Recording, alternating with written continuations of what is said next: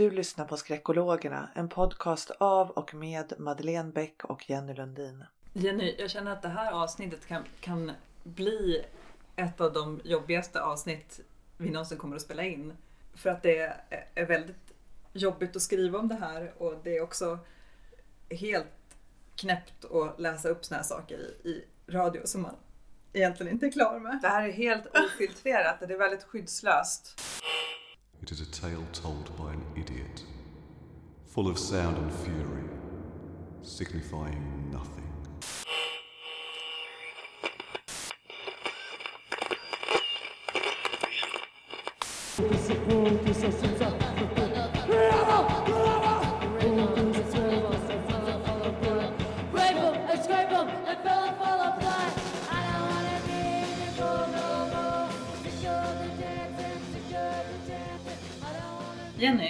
Jag skulle börja med att visa dig en sak. Okej. På tema på dagens podd då.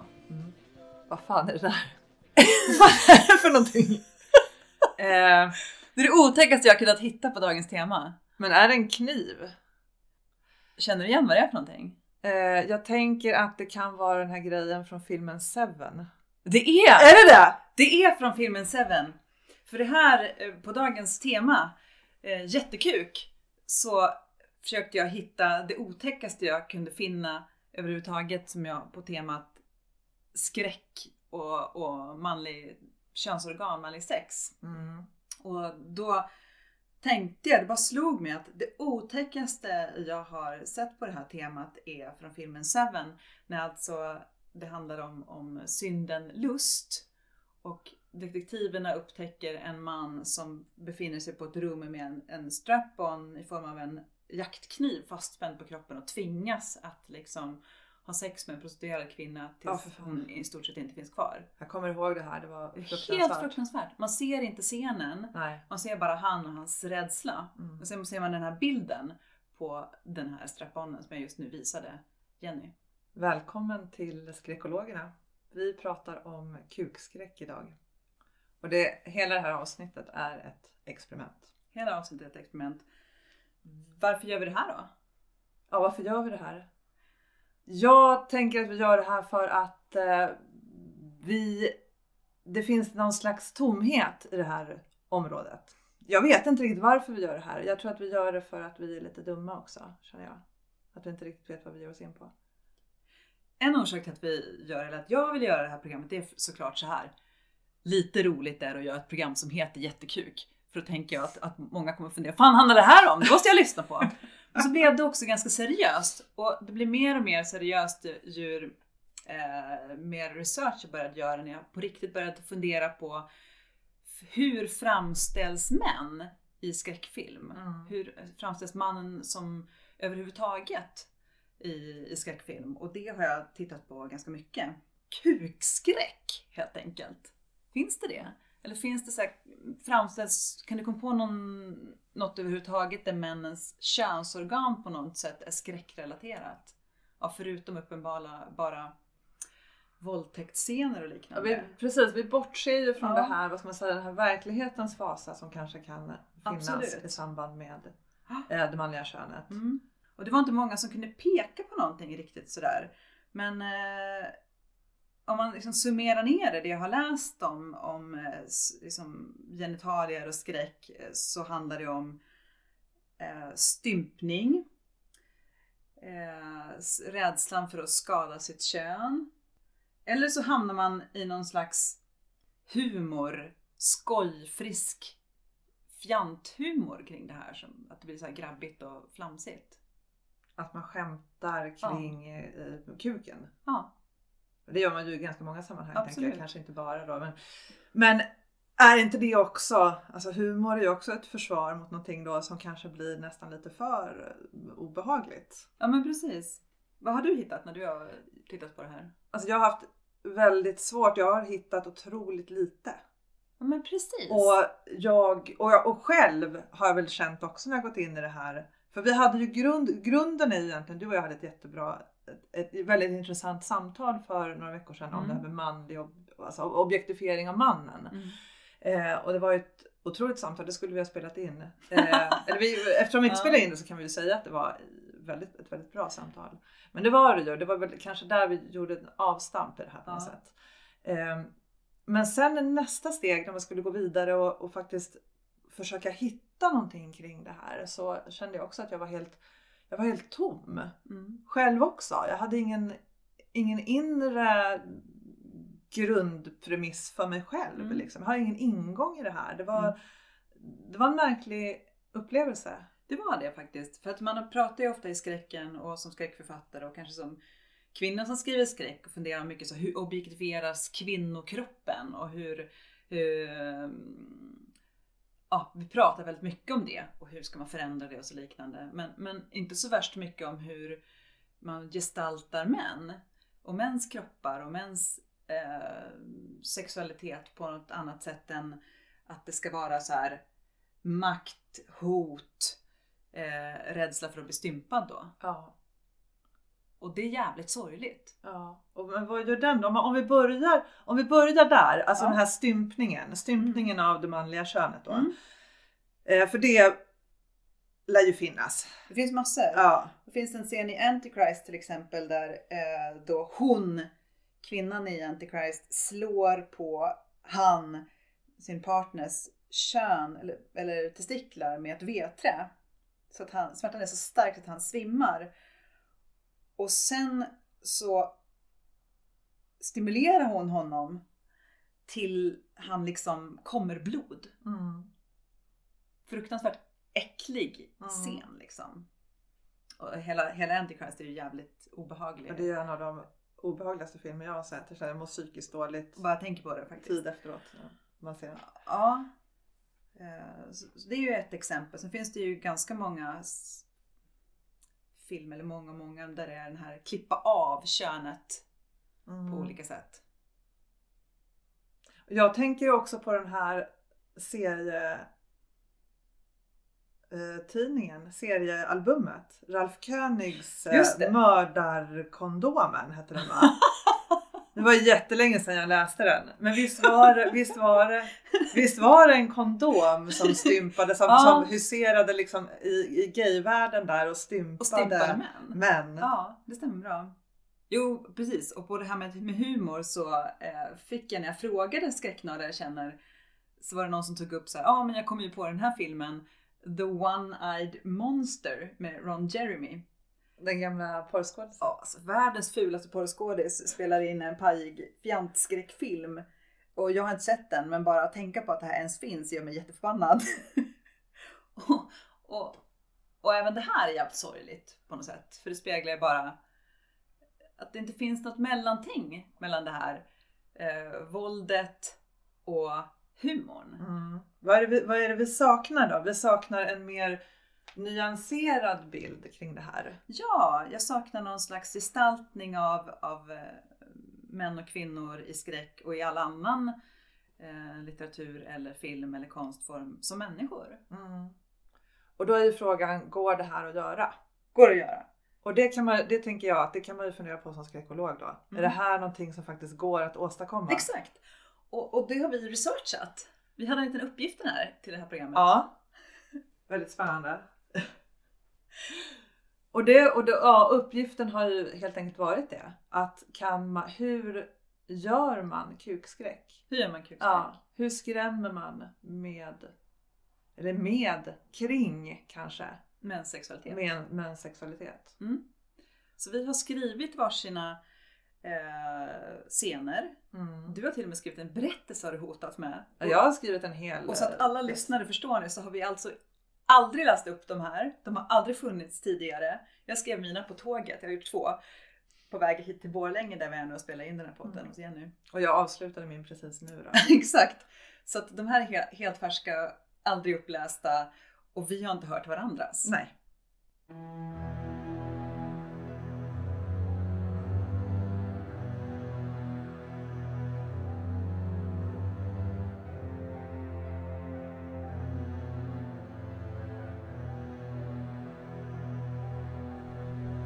Hannes sköt ner ullfilten på låren. Han hade ringt sjukvårdsupplysningen sex gånger de tre dagarna som gått sedan operationen. gjort allt som de rekommenderade. Han hade provat värmekudde i svanken, rört sig försiktigt, undvikit tättsittande plagg. Han hade tagit all smärtmedicin han skulle och lite mer till och med. Nu tryckte illamåendet i magen. Men smärtan i skrevet var kvar. Dundrande och het fick den hela kroppen att rista. Det kändes som om någon tryckt in ett extra fotbollsstort hjärta i hans ljumske och tvingat det att slå dubbelt så fort, dubbelt så hårt. Slagen fortplantade sig genom nerverna, blodkärlen, benen, brosket. Fick honom att svettas och kvida. Frysa fastän han var så varm. Ni måste ju kunna hjälpa mig, det här kan väl inte vara normalt? Hade han sagt till den senaste sjuksystern som svarade på 1177. Men de måste ha gjort någonting fel. Till en början hade hon hållit med honom, ställt en mängd kontrollfrågor och bett honom beskriva exakt hur allt kändes. Men när han kom till själva ingreppet hade det blivit alldeles tyst i luren. Så det handlar om en frivillig plastikkirurgisk åtgärd, hade kvinnan på sjukvårdsupplysningen slutligen svarat. Uttalet var stolpigt och rösten stel. Och så var det förstås. Det kunde Hannes inte förneka. Än en gång berättar han hur han begett sig till en klinik i Thailand, hur han sökt sig dit av flera skäl. Inte bara var ingreppet billigare, priset var en fjärdedel jämfört med motsvarande i Sverige. Men en starkt vägande faktor var även de thailändska läkarnas stora erfarenhet. De hade statistik på tusentals ingrepp varje år och i Sverige gjordes högst ett hundratal. Dessutom kunde Hannes hålla allt hemligt. Ingen där hemma misstänkte att hans semesterresa över jul och nyår i själva verket var en operationsresa. Tanken var att han skulle komma hem, vila, läka. Sen skulle hans nya liv börja. Ett liv där han för första gången i sitt 32-åriga liv skulle våga dejta en kvinna. Handikappet han levt med, retats för i duschen och i skolan och dolt i omklädningsrum hela sitt liv skulle nu vara borta. Om jag förstår det rätt så handlar det om en Sjuksystern i luren hade pausat, svalt, harklat sig lätt innan hon slutligen fick ur sig ordet. Penisförstoring, sa hon till sist. Hannes hade bara hummat till svar, inte heller den här gången skulle han få hjälp. Sjuksköterskans tonläge var förändrat. Hjälpsamheten som bortblåst. Kvinnans röst dröp av förakt när hon suckade djupt och bad honom ta några extra Alvedon. Om smärtan verkligen inte gav med sig innan helgen fick han åka till akuten menade hon. Men egentligen är det dina läkares ansvar, inte den svenska sjuk... Hannes hade lagt på mitt i hennes utläggning. Det fick vara bra nu. Han skulle ta hand om sig själv. Läkarna i Thailand hade visserligen understrukit vikten av att han behövde vänta minst fem dagar innan han ens lättade på bandaget. Men hur mycket sämre kunde det bli? Nya rena omslag borde väl påskynda läkningen? Hannes hasade ner filten han haft över sig lite till. Han sträckte ut sig i soffan och kavade försiktigt ner mjukisbyxorna över låren.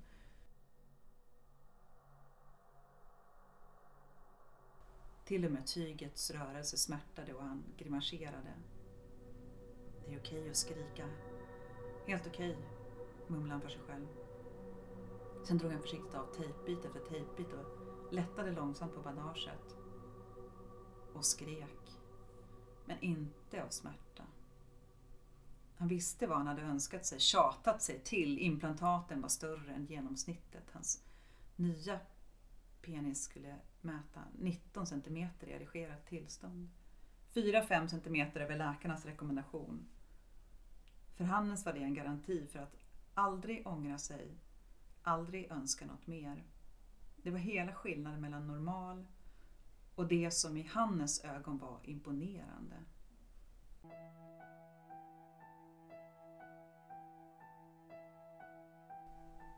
Det skrev han nu blickade ner i hade inget imponerande över sig. Det hade inte ens något mänskligt över sig. Allt som syntes under de bloddränkta bandagen var en oformlig mörk massa, blank och stinkande. För varje gång Hannes hämtade andan för ett nytt skrik tycktes massan rycka till och växa en aning.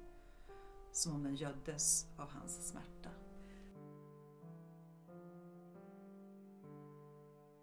Ja, det var första försöket att skriva kukskräck.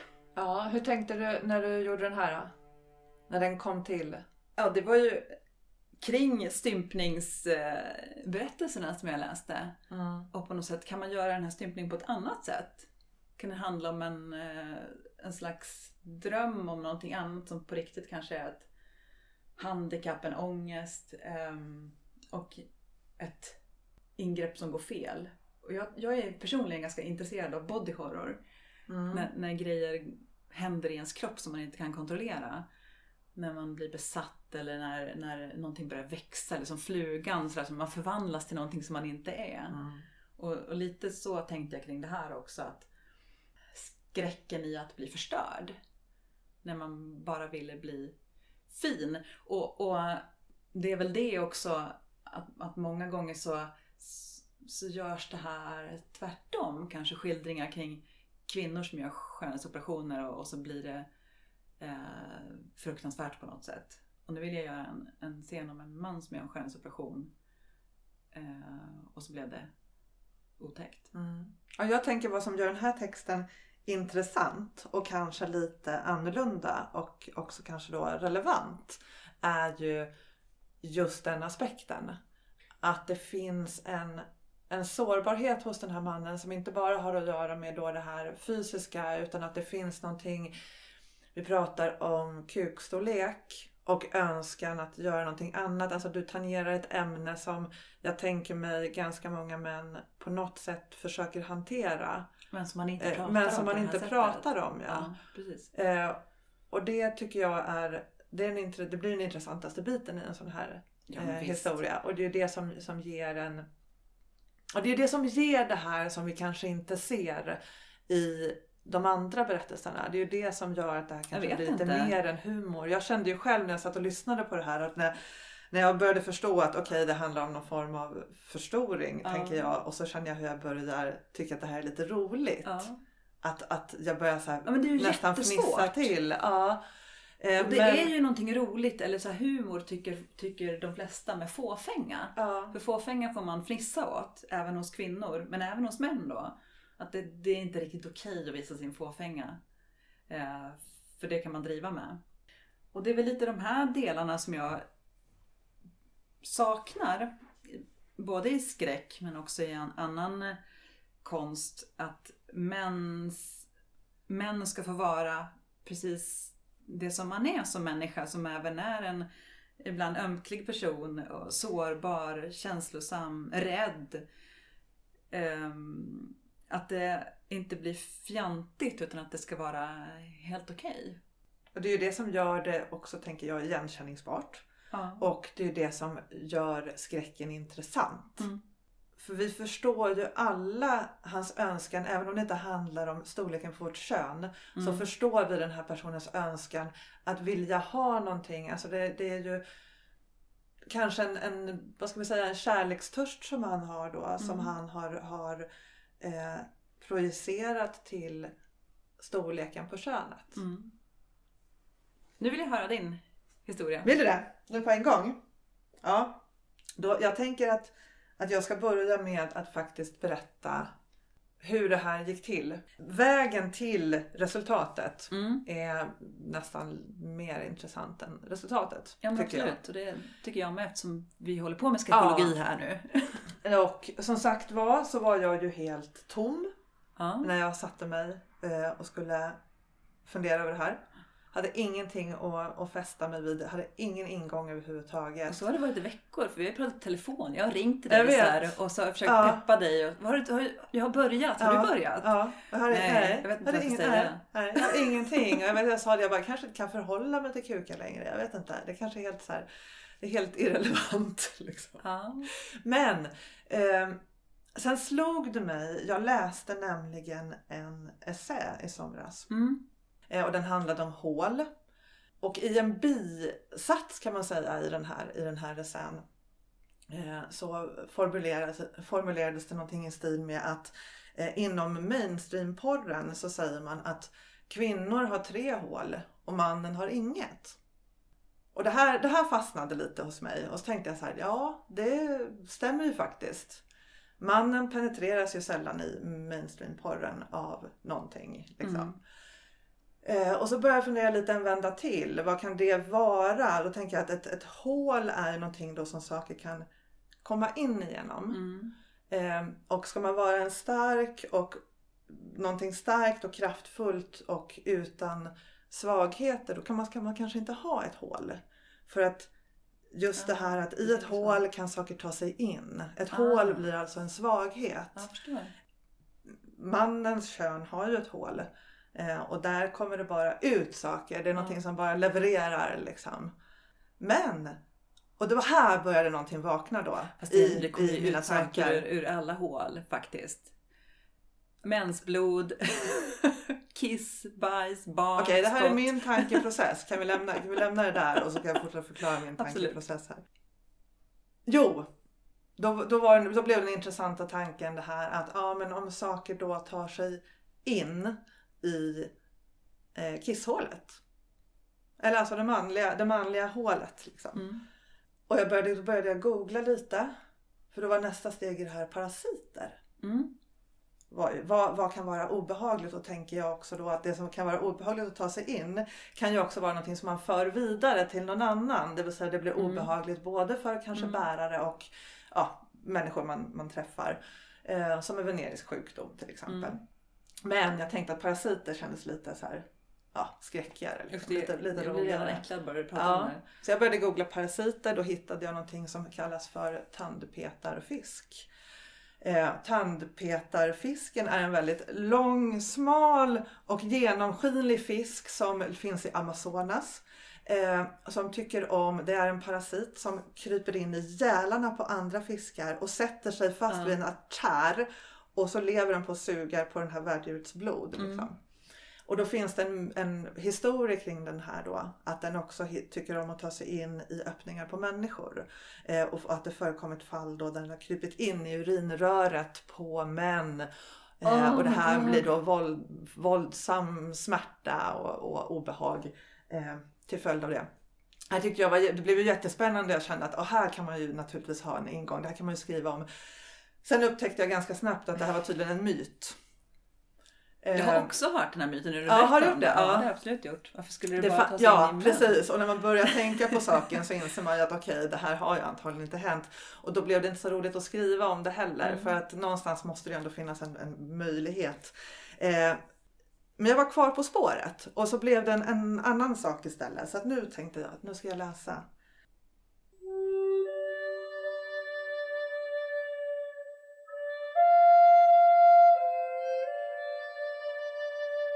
Den kvällen fick Rafael komma in i stora huset. Det var efter solnedgång när han gick från skjulet men fullmånen lyste. Han tog vägen längs bananodlingen.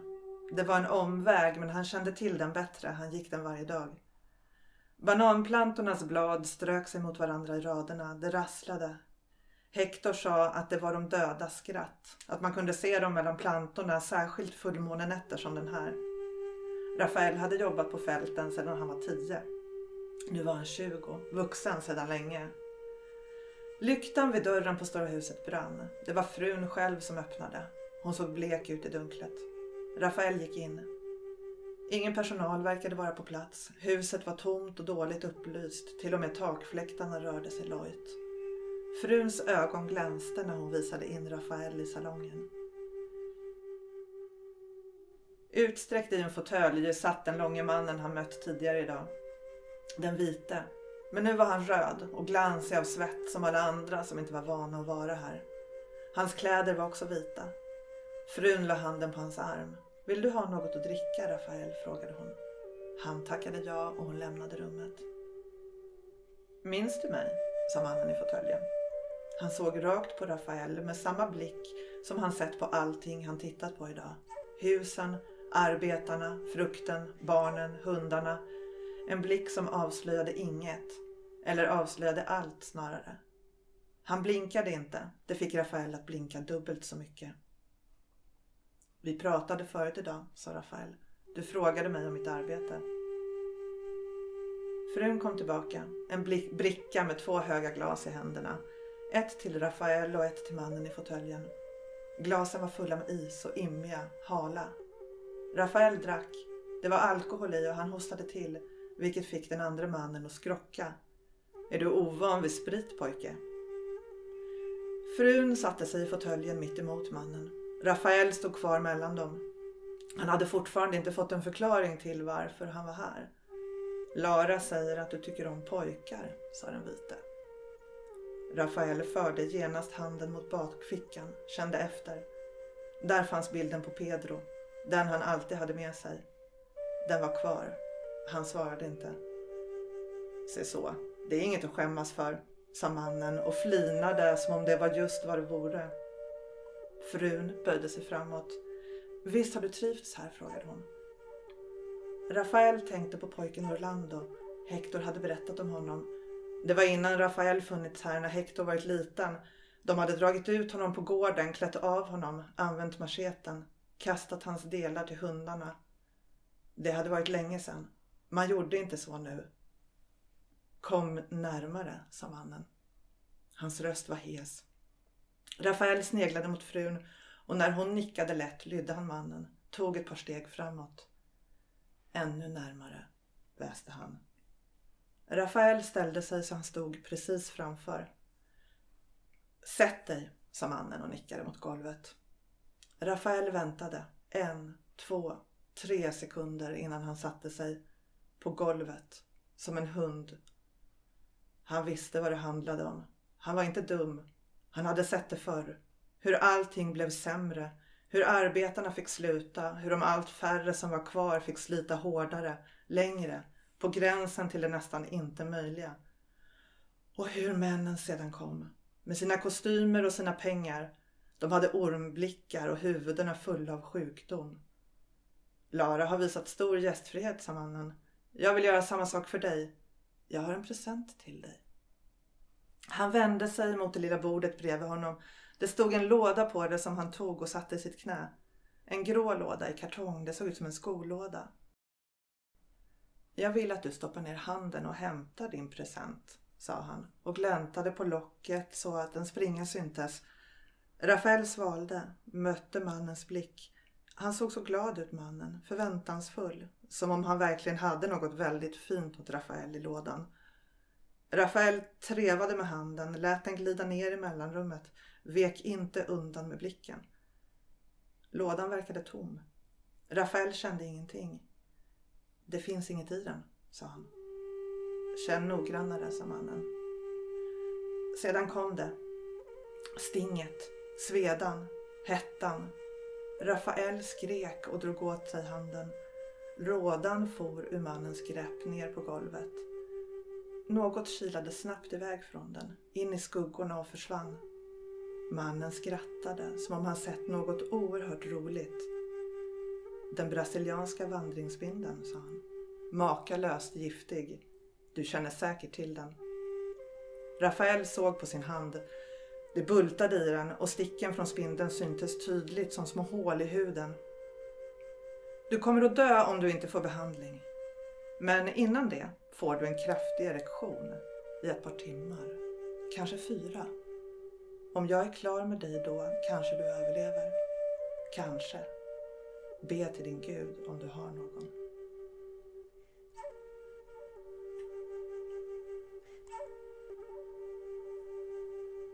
Fy fan. Som vanligt så skriver du ju som en gud och det här är ju helt gräsligt. Usch, jag mår jättedåligt nu. Åh! Ja, men det du gör med det här det är ju att du lämnar mig som lyssnare i det här fallet då med, med massa bilder. Det bara exploderar ju massa bilder som jag inte alls vill ha i mig. Och det som är bra det är också att du behöver ju inte skriva det som händer nu. För det fattar man ändå. Ja. Och det är så jävla mycket otäckare. Och sen så tänkte jag kunde prata lite grann om hur man bygger karaktärer. Vad, vad vet du om Hannes? Min karaktär i eh, min lilla skräckscen här. Jag vet att han en, jag föreställer mig att han är en ganska ensam person.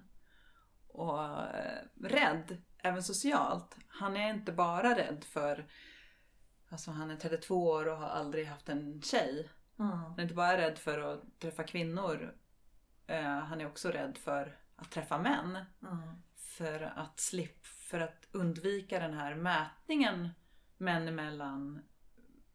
Vem som ser bäst ut i omklädningsrummet.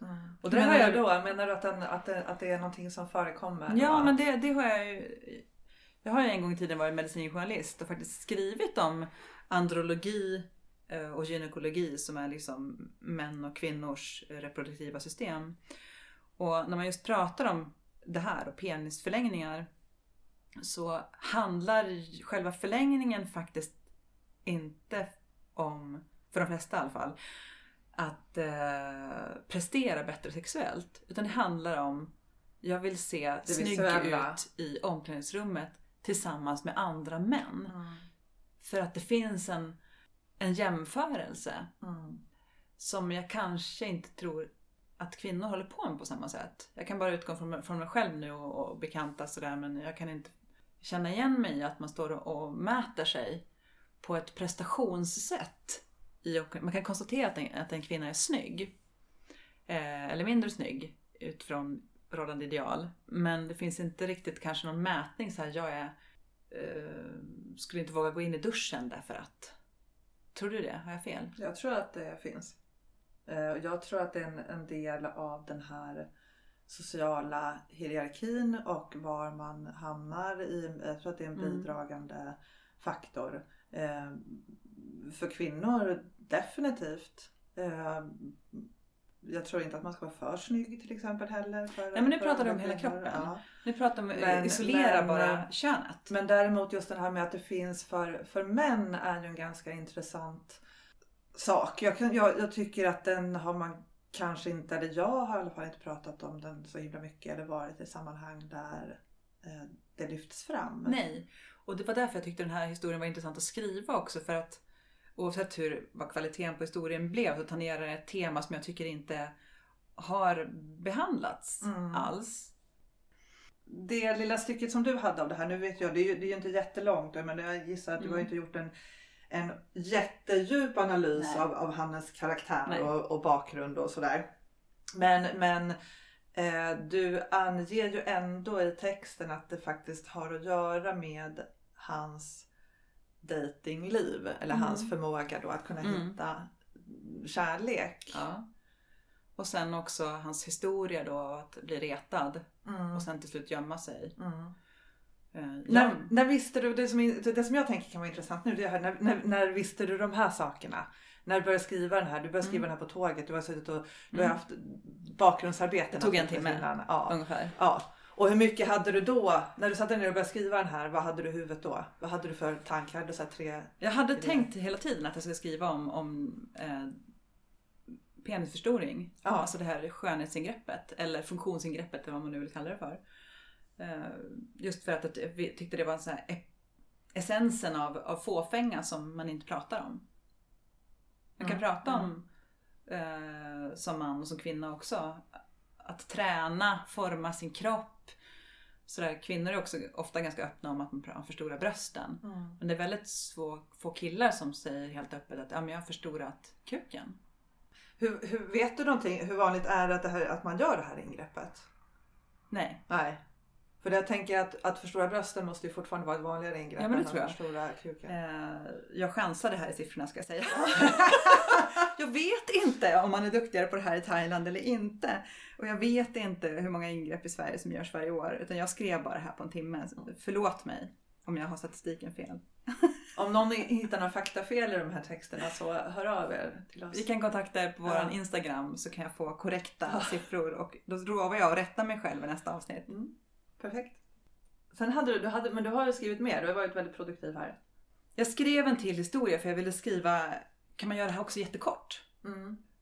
På bara några rader Mm. kan man spegla en liten scen. Ja, Mm. Som inte är en berättelse utan Nej. är bara så här. Farah. Om hon hade tittat snabbt skulle det kunnat se ut som om han sov. Han såg så avslappnad ut där på sängen, på rygg över de skrynkliga lakanen. Ena benet lätt uppdraget. Höger hand vilade långt ner på magen. Just där höfternas vackra linjer letade sig ner mot hans skrev, hans kön. Hon tänkte på hur vacker han var just så. Som om han somnat i en dröm. Som om hon när som helst skulle kunna väcka honom. Låta sina fingrar leta sig upp längs insidan av hans lår. Få honom att vakna. Växa i hennes händer. Hon älskade den känslan. Den tände henne mer än någonting annat. Men André sov inte. Det går inte att sova med ett knytnävsstort hål i bröstet. Oh. Du har gjort den eh, erotiserade döda mannen som en, en, ett svar då på det här som Poe var det va? Ja, Eh, precis. hävdade en gång att det finns ingenting så Vacker. vackert som den här döda kvinnan. Vad det Mm. var han sa. Snyggt! Ja, tack. Ja, men det var precis så som jag tänkte. Hur kan jag skriva en, en, en vacker och erotisk skildring av en, av en man som också är död? Mm. Det säger ju också någonting om, om hon i den här Ja. som, som faktiskt då Ja. upplever det här som en erot, ett erotiskt ögonblick. Mm. Och tänker Eh, du att hon... Jag tänker att det skapar en spänning för att det skapar någon slags förväntan på eh, henne. Att det, kanske så skulle inte så många av oss egentligen i verkligheten reagera på det här sättet inför en död kropp. Och oavsett kön liksom. Mm. Men ändå så finns det ganska många beskrivningar då av kvinnokroppar. Där man reagerar då i boken, texten, på hur vacker hon var. Framförallt i film tänker jag också. det också. Att det är, de är alltid så, så attraktivt placerade liken. Liksom. Mm. Så att man kan, de Till och med blodet är stängt på ett estetiskt sätt. Men överhuvudtaget så tänkte jag också att det förekommer sällan att, att, en, att en man får vara mjuk. Mm. Eh, och, och som le, ligga avslappnat, sovande och vacker. Och att man beskriver det men samtidigt så tragik, tragik är han död. Mm. Men jag tycker också att det var, det, var- det var någonting väldigt fint i det där för att jag kan ju känna igen den egna blicken Mm. på en person som man då kanske tycker om Mm. och en ömsint betraktelse av någon som befinner sig i, en, i ett lite skyddslöst Mm. läge som man då kanske gör när man sover. Man kan se precis. lite sårbar ut och det var, det var fint. Och sen så börjar vi alla fundera på vad det är för psykot kvinna. Jag tittar på honom så bara, åh vad vacker han är. Samtidigt är han död. Synd. Vad tänker du? Hur skulle man by- bygga en karaktär? Mm. Vad tänker du när du bygger karaktärer? Jag låter dem komma till mig.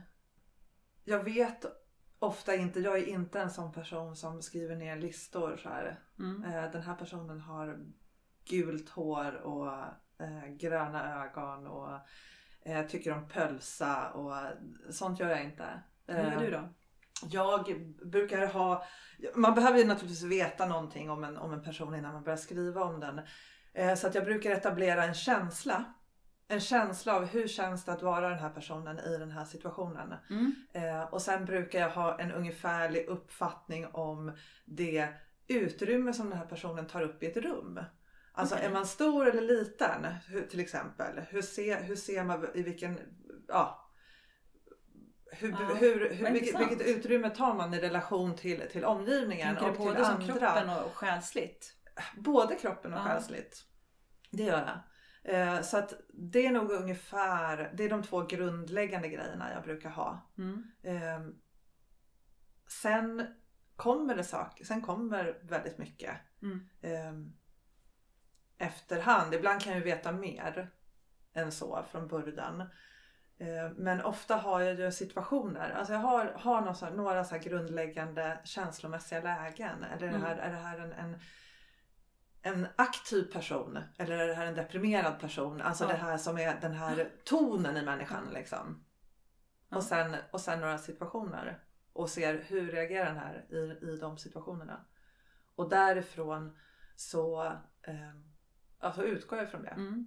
Och sen brukar det oftast komma, det, jag ska inte säga att den här personen berättar saker för mig för att så är det ju inte riktigt. Det är naturligtvis jag som berättar saker för mig om personen. Mm. Men det, kom, det kommer fram Ja. efterhand. Hur gör du? Det var intressant det där med att tänka på hur en person, vad man tar upp i ett rum. Så har jag aldrig sett på det. Jag brukar tänka vad perso- jag brukar tänka om personen är introvert, extrovert. Mm. Och så brukar jag tänka hur den, hur den förhåller sig till omvärlden. Om den tar kontakt själv eller gömmer sig. Mm. Om det är en person som har lätt att få vänner, är väldigt öppensinnad och glad. Någon slags känsloläge. Eller som mer vill att folk ska komma till en och hålla sig för sig själv. Mm. Jag är lite så här inne och, och tassar på det här Briggs-Myers-skalan. Du vet, Mm. 16 Ja, personligheter. det. Och så börjar jag leta lite grann så här och dra i, i olika skalor. Mm. Och när jag har gjort det, och förstås så sätter jag ålder. Och, och, Ja. och, och lite så tänker mig någon slags kropp. Precis. Ja, ålder och en kropp är ju... Och, och sen så, så börjar jag sätta dem i scener. Och Mm. agera dem. Ungefär som spelpjäser. Och det där har nog kommit i med jag har skrivit. Att, att förut tidigare så var jag mer fixerad av att, av att liksom stolpa upp en hel historia från A till Ö. Nu är jag mer intresserad av vad som händer när jag sätter igång det. Ja. Det är som att ta en schackpjäs och ställa ut på ett bräde som säger kör. Mm. Eller action med en klappa och säga så här, nu åker vi. Nu får du spela den här scenen och så ser vi vad du gör. Så gör jag faktiskt. Och då händer saker. Och så under tiden som de, de lever i, i berättelsen så brukar jag anteckna på ett särskilt dokument. Så här, ha, den reagerar så här i, när människor skäller på eh, går i försvarsställning eller, hur, eller blir ledsen eller vad det nu är. Så kan jag anteckna sådana nyckelsaker. Så här, reaktion, så här skulle... Och till slut så vet jag då. Så här skulle aldrig Andrea göra i den här situationen. Han skulle aldrig bete sig så här mot den här människan. Han skulle all, alltid säga förlåt eller eh, ja, hur det. Mm. Precis, det växer, det växer fram. Ja. Och just som du, som du säger att det, det är ju mycket möjligt att man noterar saker under tidens Mm. gång. För också ibland dyker det upp bisatser, till exempel att du har en scen så dyker det upp så dyker det upp information Mm. om den här personen som en side note nästan. Liksom när man skriver. Men det har inte riktigt utrymme i just den här scenen. Och då kan det ju vara en sån sak som jag noterar och lägger till sidan och Mm. tänker att det här kan komma till nytta vid ett annat tillfälle. Eh, Den här analysen av skräck och manligt och kvinnligt. Kommer du ihåg det? Eller det hoppas att du gör eftersom vi pratade om det igår. ja, absolut. Och i skräcken i någon form av könsrollskontext är det väl kanske. Det där. Kan man säga så? Mm. Ja, jag tittade på en, en studie igår. Jag läste eh, under researchperioden för det här programmet så läste jag eh, ett antal olika artiklar och ramlade på en text om en studie som hade gjorts på 80-talet av Dolph Zillman och eh, Norbert Mandoff som gjorde ett antal eh, intervjuer om, om hur ungdomar svarade på skräck, skräckfilm. Mm. Och då var det då heterosexuella par, ungdomar eh, som tittade på skräck och så vill man se hur, hur agerade då män och kvinnor. Och då var det så att kvinnorna ehm, hade mer av ett, av ett ehm, närhetsbeteende när de tittade på skräck och sökte tröst hos, hos männen då och, och, var, och utagerade sin rädsla och kanske inte ville titta. Mm. Medan för killarna så var det mer att de eh, aldrig visade att de var rädda. Utan Nej. kunde fnysa och skämta om det och sådär. Och sen så eh, blev det som en så här förstärkning kille till kille. Att så här, eh, du är inte rädd och jag är inte rädd och, och nu tar vi hand om brudarna. Så här. Ja just det. Så. Man, man förstärker den manliga gemenskapen och man förstärker Ja. omhändertagandet eh, gentemot kvinnorna. Och kvinnorna får förstärka då också sitt band till mannen genom Ja. att uttrycka sin, sin rädsla och sitt behov av beskydd. Ja, och då, då sa de så här att, att, att de kunde argumentera för att, att horrorgenren stärkte då socialt förväntade heteronormativa könsroller hos deras tittare. Och så sa de så här att, men intressant nog, en kvinna som då är orädd och vägrar att söka tröst hos en man döms ut som att hon har maskulina kvaliteter och representerar ett hot eftersom hon trotsar då de här eh, accepterade rollerna. Hon behöver inte bli omhändertagen. Nej. Eller hon ger inga signaler på Ja. att hon behöver bli omhändertagen. Ja. Eh, och, och ja du. det fanns en hel del fjantiga slutsatser kring den här hi- historien och vi blev lite upprörda när vi läste den här studien på något sätt. Så här att det skulle vara Det var väl en annan del i det där också att, att skräckgenren skulle vara väldigt, skräckgenren i sig, alltså inte reaktionerna Mm. på den utan att, den, Mm. att, att skräckgenren skulle framhäva eh, att kvinnors passivitet blev belönad och att Mm. mäns eh, aktivitet Mm. då också blev belönad. mm, Eh, vilket jag inte tycker stämmer och det finns Nej. väl andra, andra studier som visar på Absolut. motsatt eh, sak skulle Ja. jag säga. Och att skräckgenren faktiskt är en av de genrer där kvinnor har fått vara aktiva och utan att bli bestraffade. Eh, Men exakt, och då kommer det såna här eh, studier från till exempel Gina Davis Institute of, on Gender and Media. Som tittar på sånt här, forskar hur, hur könsobalanser i film påverkar kvinnor och, och, och flickor. Så säger de då att det undantaget till de här passiva genrerna är ju skräcken. Ja, Där liksom kvinnor ofta har starka roller och hämnd och, och, och tar, tar för sig. ja, den här The Final Ja. Girl-grejen. Ja. Och det fick mig i sin tur att börja fundera på, så finns det en final boy? Mm. Och så googlade jag på det och det finns final boys. Men det är ju ofta oskyldiga unga pojkar då. Ja, just det. Eh, Och vi kanske ska definiera vad final girl är för någonting. Mm. Det, det, det är ju tj- tjejen som liksom slår tillbaka mot sitt monster i slutet av filmen. Och det som karaktäriserar en, en final girl exempelvis, eller ganska ofta, är att hon är eh, ren Ja. på något sätt. Hon är inte den här sexuellt utlevande tjejen, för hon dör ju ofta i början av skräckfilmen. Utan det är den här som, som, som har andra intressen, som är lite mer intellektuell, som kanske eh, det växer någonting annat inom henne och så slår hon tillbaka. Fast det där skulle jag nog också vilja säga är en sanning med modifikation. Mm. Det där är ju någonting som kanske stämde bättre överens på 80 och 90-talets Absolut. skräckfilmer. Eh, som har förändrats under ja, de senaste 18 åren. Mm. Liksom. Jag tror att den, mora- den moraliska aspekten försvinner mer och mer tror, Mm. tror jag. Vi kanske lever i en, en större tid av osäkerhet och vi behöver skaffa våra, följa våra egna ideal eller bygga våra Mm. egna följ, principer som vi Mm. har och rättsnören att leva efter. Liksom. Och det är himla spännande. Jag tycker att det är kul att tänka på det som, som skapare av, av olika typer av konst. Att man faktiskt kan bara skita i normer så mycket man kan och tänka så här, som när man skapar karaktärer. Mm. Så hur kan jag göra det här tvärtom? Mm. Kan jag byta den här människans kön? Kan den, kan den inte ha ett kön? är också en Mm. spännande. Kan man skriva en berättelse där man inte anger om det här är en kvinna eller man? Ja, för tycker du, tycker du att det där räcker? För jag har, jag har faktiskt tänkt på det här ett, ett tag nu på sista tiden.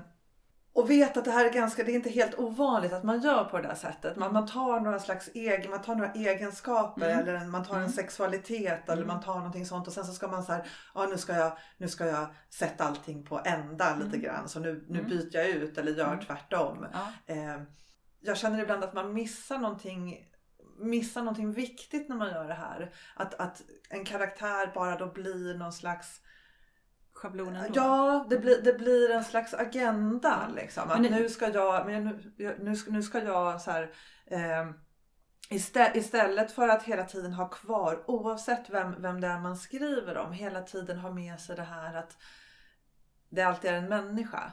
Att grunden är alltid att det här är en människa. Eh, kön, klasstillhörighet, eh, sexualitet, alla de här sakerna är faktiskt på något sätt bisatser. Eh, du, kan, du kan vara eh, extremt rik och du kan vara superkapitalist eh, och fortfarande ha en massa egenskaper som du har på grund av att du är människa. Mm. Och, det, och jag tror att det är viktigt att hålla isär de där sakerna Mm. om man ska bygga komplexa människor i, i sina berättelser. Ja, och jag var på väg dit. Mm. Men jag, jag, jag ser det som en trappa. Mm. Jag ser det som att grundnivån när man börjar skapa, det kanske är att man råkar trilla in i klyschorna och skriver dem i alla fall för att man inte riktigt har reflekterat över det. Mm. Och sen steg två är så här att börja reflektera. Hur brukar det vara? Hur skulle det kunna vara? Kan jag vända på det? Mm. Steg tre är så här, om det inte finns någonting. Om jag börjar med en så hög med lego på golvet och så bygger jag ihop en människa Mm. själv. Mm. Hur blir det då? Ja. Och där skulle jag önska att, att man var mer Mm. i den här ja, sårbarhet, eh, styrka. Alltså att alla de här sakerna kunde få eh, bara bygga en människa. Ja. Det är någonting eh, ganska mentalt utmattande med att sitta och läsa upp texter som man bara har nyss författat och egentligen inte riktigt tänkt igenom. Ja, Men, absolut. Och, och det är lite så att vi båda sitter och skakar lite i händerna Ja. för att vi tycker att det här är oerhört jobbigt. Ja. Och jag sa till Jenny här när vi tog en paus att eh, jag, jag har inte känt mig så här rädd för någonting på väldigt länge som att läsa upp det här.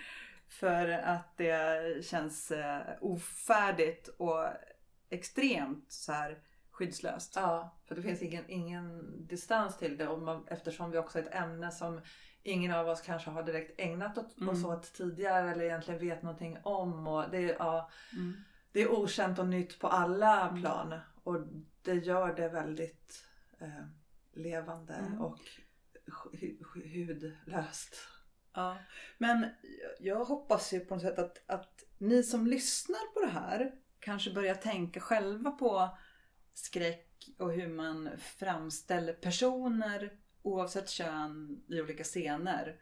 Och vad, vad säger det om betraktaren? Den som har gjort filmen då, exempelvis. Mm. Vilken slags blick har den här på olika människor? Vad är det man vill ha för budskap? Eh, Om man skriver så, vilka ordval använder man? Hur placerar man människor? I vilken kontext? Eh, och ja, men Det handlar ju om hur, hur människor framställs i konst. Ja, Hur känner du nu då? jag känner mig utbränd Ja, och ja. rätt nöjd också. ja. Du då? Äh, men det har varit otroligt tröttande Ja. att göra det här. Vi pratade ju om, om, om, om drift i första avsnittet och, och den här gången så tänkte jag så här, är jag galen Ja. som, som gör det här? För att det här är ju ingenting jag skulle ge mig på och tänka att det här ska jag ge ut. Det känner jag med kan jag säga. Men jag tänker att det också är någon sorts lärdom i det här. Eh, Vi får se. Och hoppas att alla som lyssnar på det här, eller några som lyssnar på det åtminstone, börjar tänka hur gör jag när jag skapar karaktärer? Eller hur ser jag på karaktärer i film och, och böcker och allt vad det nu är för någonting. Mm. Och hör jättegärna av er. Vi har fått lite responser och sådär som har varit jätteroliga. Eh, Mm. Väldigt tacksamt att höra. Finns det idéer och tankar och kanske lite så här att ja, men vad, vad går ni runt och funderar på? Det kan ju vara sånt som vi också kan prata om längre fram Mm. tänker jag. Men nästa vecka då? Nej inte vecka, nästa gång. Nästa, men nästa gång vi då? ska podda, då ska vi prata om genre. Det ska vi göra. Och bara bibliotekarier bryr sig om genre. Häng med då också, det kommer bli kul. Men nu är vi klara för idag. Det gör vi. Ja, ha det bra! Hej hej! Hej då! And I mean, like, everyone's trying to tell me their issues, and I'm like, bitch, can you just cue up my drums?